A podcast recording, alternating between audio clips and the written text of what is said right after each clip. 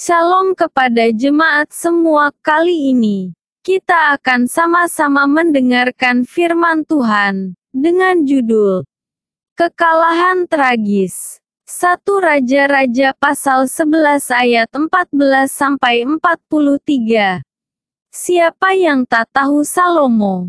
Raja Israel yang penuh hikmat dan kekayaan. Namun, Siapa sangka Allah menghukumnya dengan cara yang sulit diterima nalar pikiran kita. Allah yang memberkati, Elohim juga yang menghukumnya. Sungguh tragis. Mengapa Salomo dihukum Elohim? Karena ia meninggalkan hikmat dari Tuhan.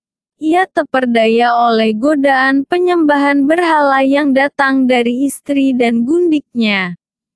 Tak tanggung-tanggung, Salomo menikah dengan 700 istri dari kaum bangsawan ditambah dengan 300 gundik. Elohim tersingkir dengan kehadiran mereka. Elohim menghukum dengan cara memecah kerajaan yang dahulu dipersatukan oleh Daud, ayahnya.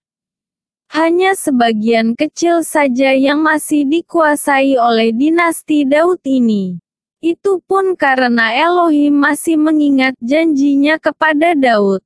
Elohim telah membangkitkan lawan-lawan bagi Salomo, baik dari luar maupun dari dalam kerajaannya sendiri.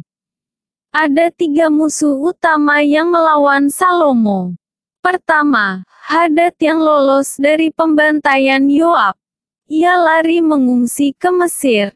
Keberadaan Hadad menjadi petaka bagi Salomo. 14-22 Kedua, putra Eliada, Damsik dikuasainya. Ia menjadi ancaman karena jalur perdagangan di timur dapat direbutnya. 23-25 Ketiga, Yerobeam, Kepandaian dan bakat yang luar biasa menjadi daya tarik bagi banyak orang. Letak kesalahan Salomo adalah ia meninggalkan Elohim dan menyembah ilah istri dan gundiknya.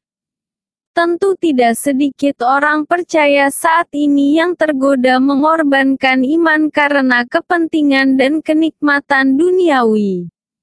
Tak jauh-jauh, berkisar masalah pasangan hidup, kekayaan, dan jabatan. Kenikmatan dunia yang kadang menyilaukan bisa membuat orang percaya tergelincir. Dunia memang memberi tawaran yang menggiurkan. Kesetiaan menjadi penting sebab merupakan bentuk ketaatan. Tuhan menuntut kesetiaan, sebab Ia juga setia. Menjaga kesetiaan dilakukan dengan tetap intim dengan Tuhan. Karena itu, setialah dan beraga jagalah agar tidak menjadi lemah dan mengalami kekalahan tragis.